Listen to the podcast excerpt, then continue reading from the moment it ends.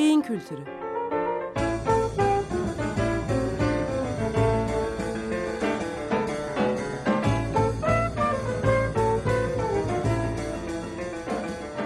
Tarihten, sanattan ve edebiyattan örneklerle beyin.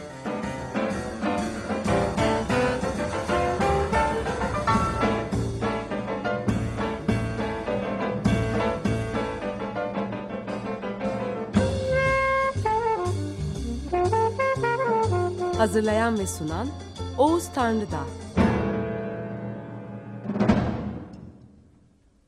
Merhabalar efendim. Yeni bir beyin kültürü programına hoş geldiniz. Ben Oğuz Tanrıdağ. Bugün 15 Haziran 2015 Pazartesi. Beynin olmayan bir şeyi varmış gibi kabul etme ve olan bir şeyi yokmuş gibi kabul etme özelliklerinden devamla bu iki olgu dolayısıyla beynin kolayca aldanabileceği ancak bu aldanmaların zihne bir normallikmiş gibi yansımalarından yola çıkarak hem inanma hem de yüzyıllardır felsefede çözülemeyen bir problem olarak devam eden zihin beden problemi çağrışım alanımıza girecek. Önce beynin olmayan bir şeyi varmış gibi kabul etme ya da bir zamanlar olup da daha sonradan kaybolmasına rağmen onu varmış gibi kabul etme özelliğinden söz edelim. Herman Melville'in Moby Dick Beyaz Balina romanını bilenleriniz çoğunluktadır diye düşünüyorum. Bu roman 1850'lerde yazılmış ve Amerikan edebiyatının en güçlü örnekleri arasında yerini almış bir romandır.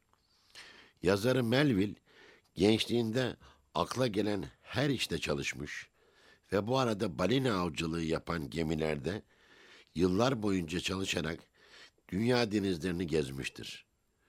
Moby Dick imgeleri bu dönemde oluşmuş ve Melville bu işi bıraktıktan sonra kaleme alınmış bir eser e, olarak da Moby Dick'i ortaya koymuştur. Romanın baş kahramanı denizlerde son derece nadir görülen beyaz bir balinayı avlamayı hayatının en büyük amacı ve takıntısı haline getirmiş olan Kaptan Ahab'dır.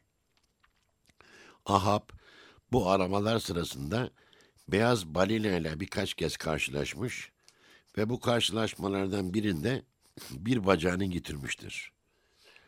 Geminin marangozu tarafından yapılmış takma bir bacağı vardır.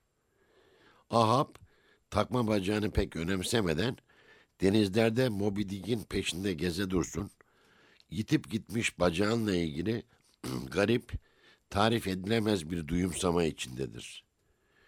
Takma bacağı rağmen, takma bacağını görmesine rağmen, bacağının yitip gittiğini bilmesine rağmen zihni onun varlığını duyumsamaktadır.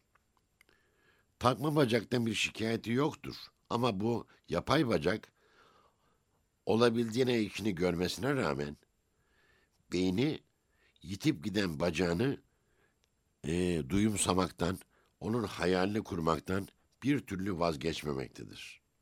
Dolayısıyla beyin ve gövdesine takılı olan ta, takma bacak bir rekabet halindedir.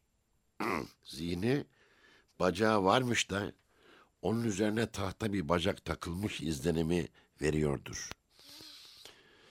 Bu duyumsamaktan çok rahatsız olan Ahab bir gün marangozu çağırır ve bana bak marangoz, senin iyi bir marangoz olduğunu ve yaptığın işi iyi yaptığını biliyorum.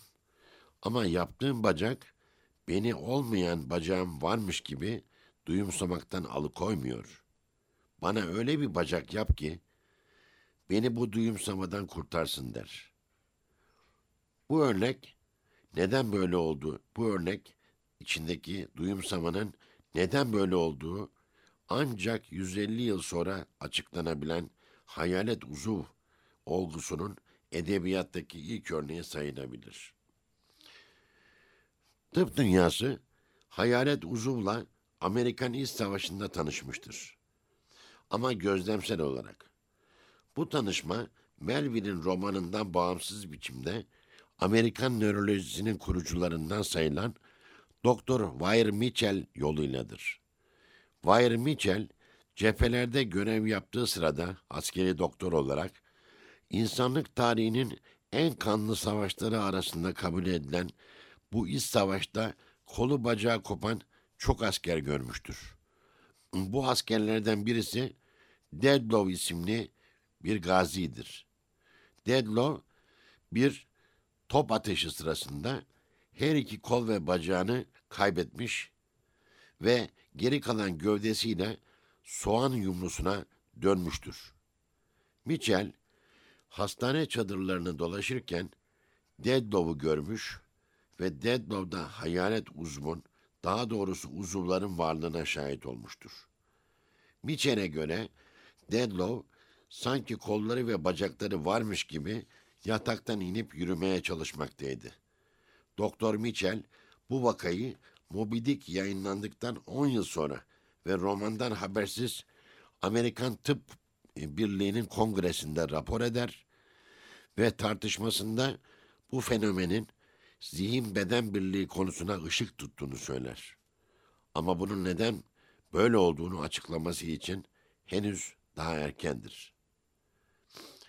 Ünlü Amerikan şairi Walt Whitman, İç Savaş'ın izlenimlerinden yola çıkarak yakın arkadaşı Weir Mitchell'den duyduklarını şiirlerine yansıtır.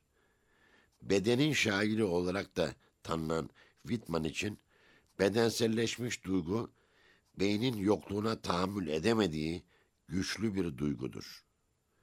Hayalet uzuv fenomeni, zihinlerden bir, zihin beden birlikteliği konusuna net bir açıklama getiren bir örnek olduğu halde geçen yüzyıl boyunca ne felsefenin ne de davranış bilimlerinin bu örneği kullanmadığını ve kendi sırça köşklerinde dipsiz ve sonsuz tartışmalarla devam ettiklerini görüyoruz. Bu örnek dolayısıyla bir kez daha geçen program sözünü ettiğimiz insanlığın yapay ve kimlik ve bilgi yarılması konusuna geliyoruz ki günümüz aydınının zihinsel altyapısını belirleyen modernist düşünce bu yarılmayı en uç noktasına kadar götürmüştür. Sonuç her birinin kendi kapalı dünyaları içinde yaşadığı sosyal bilimler, davranış bilimleri ve pozitif bilimlerdir. Değerli dostlar, kısa bir soluklanma arası rica ediyorum. Birazdan görüşeceğiz.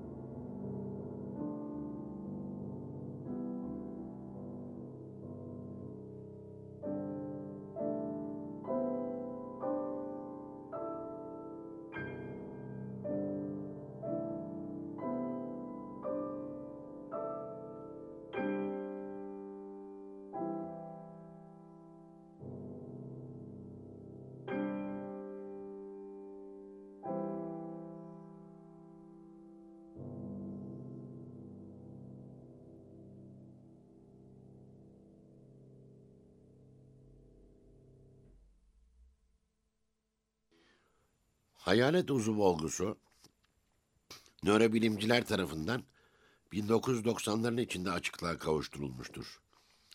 Hint kökenli ünlü nörobilimci Ramachandra'nın yaptığı açıklama hayalet ağrı kavramı üzerinden olmuştur. Hayalet ağrı, hayalet uzmun duyusal bir eee, çeşididir. Ki burada hasta olmayan uzvunun ağrısından yakınmaktadır. Ramachandran dahiyane bir biçimde sağlam olan kolun kesik kol görüntüsünün üzerine düşürüldüğü bir ayna düzeneğinde sağlam kolun hareket ettirilmesiyle kesik kolda duyumsanan ağrıyı, olmayan kolda duyumsanan ağrıyı tedavi etme yöntemini bulmuştur. Bu yolla kendi içindeki gövde haritasının bir gereği ve zorlamasıyla eksilen gövde parçasını kabul etmeyen beyin sanal bir görüntü yoluyla kandırılmakta ya da ikna edilmektedir. Beyin gövdeyle birlikte doğarken içinde gövde parçalarının yerleşimleriyle ilgili bir haritayla doğmaktadır. Bu harita her bir beyin yarısında karşı gövde yarısının parçalarının yarım haritası biçimindedir ve görsel mekansal özelliğiyle belirgin üst yarı yani parietal lob bu işin yeridir. Şimdi de diğer olgumuza yani olanı fark etmeme ya da reddetme olgusuna gelelim.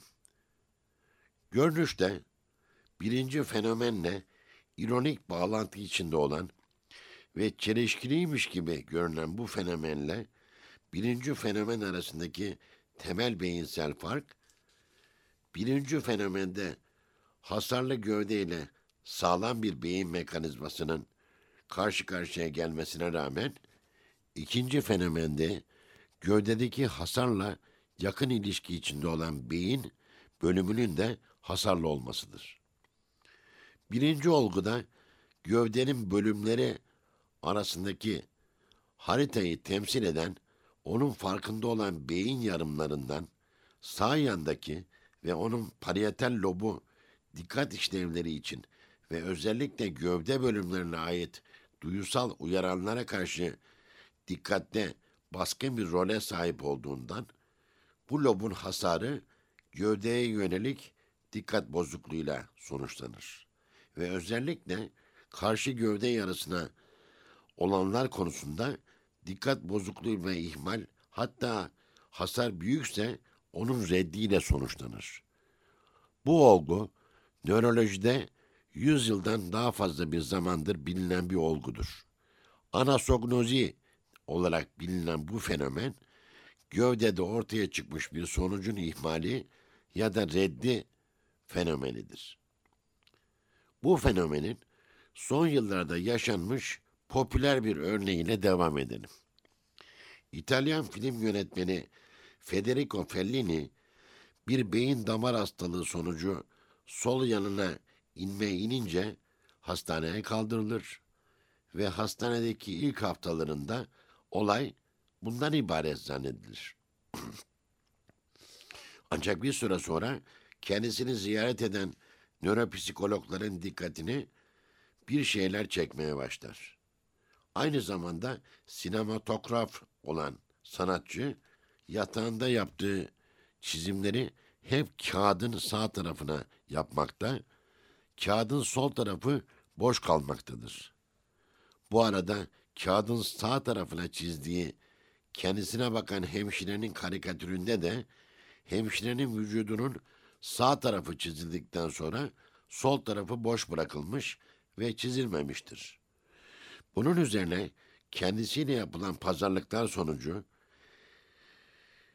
testlerin genişletilmesine karar verilir ve bu testlerde hastanın nörolojik bulgusunun sadece sol taraf felci olmadığını, felcini de ihmal ettiğini ve bu ihmalin sol uzay yarısını yani kendi bedeni dışındaki uzay bölümünü de kapsadığını ortaya koyar.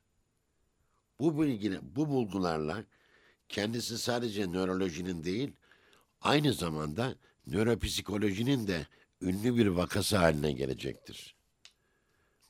Hiç unutmuyorum. Amerika'daki eğitimim sırasında bu konuyla ilgili çok ilginç bir vaka tartışılmıştı.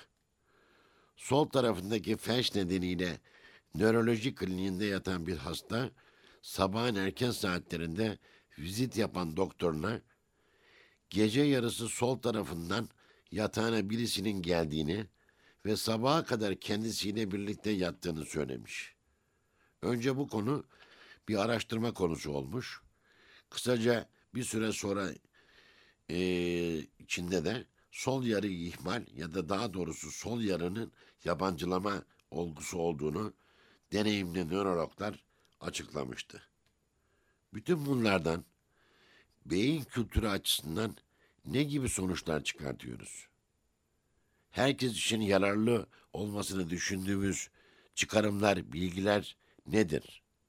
Her şeyden önce beynin algılama özelliklerinin pek de güvenilir olmadığını ve beynin hasta olsun veya da olmasın sübjektif karar vermeye eğilimli olduğunu, bazı zamanlar olmayan bir şeyi varsayabildiğini, bazı zamanlarda ise olan bir şeyi yokmuş gibi algıladığını görüyoruz. Sizleri bu düşüncelerle birlikte bırakarak yeni bir beyin kültürü programında ileride birlikte olmayı diliyorum. Saygılar ve sevgiler. Beyin kültürü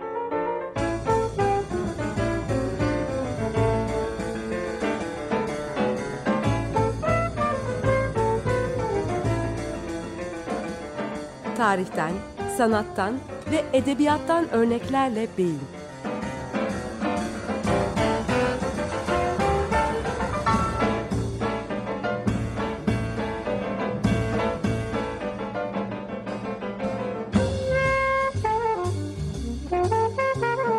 Hazırlayan ve sunan Oğuz Tanrıdağ. Açık Radyo program destekçisi olun bir veya daha fazla programa destek olmak için 212 alan koduyla 343 41 41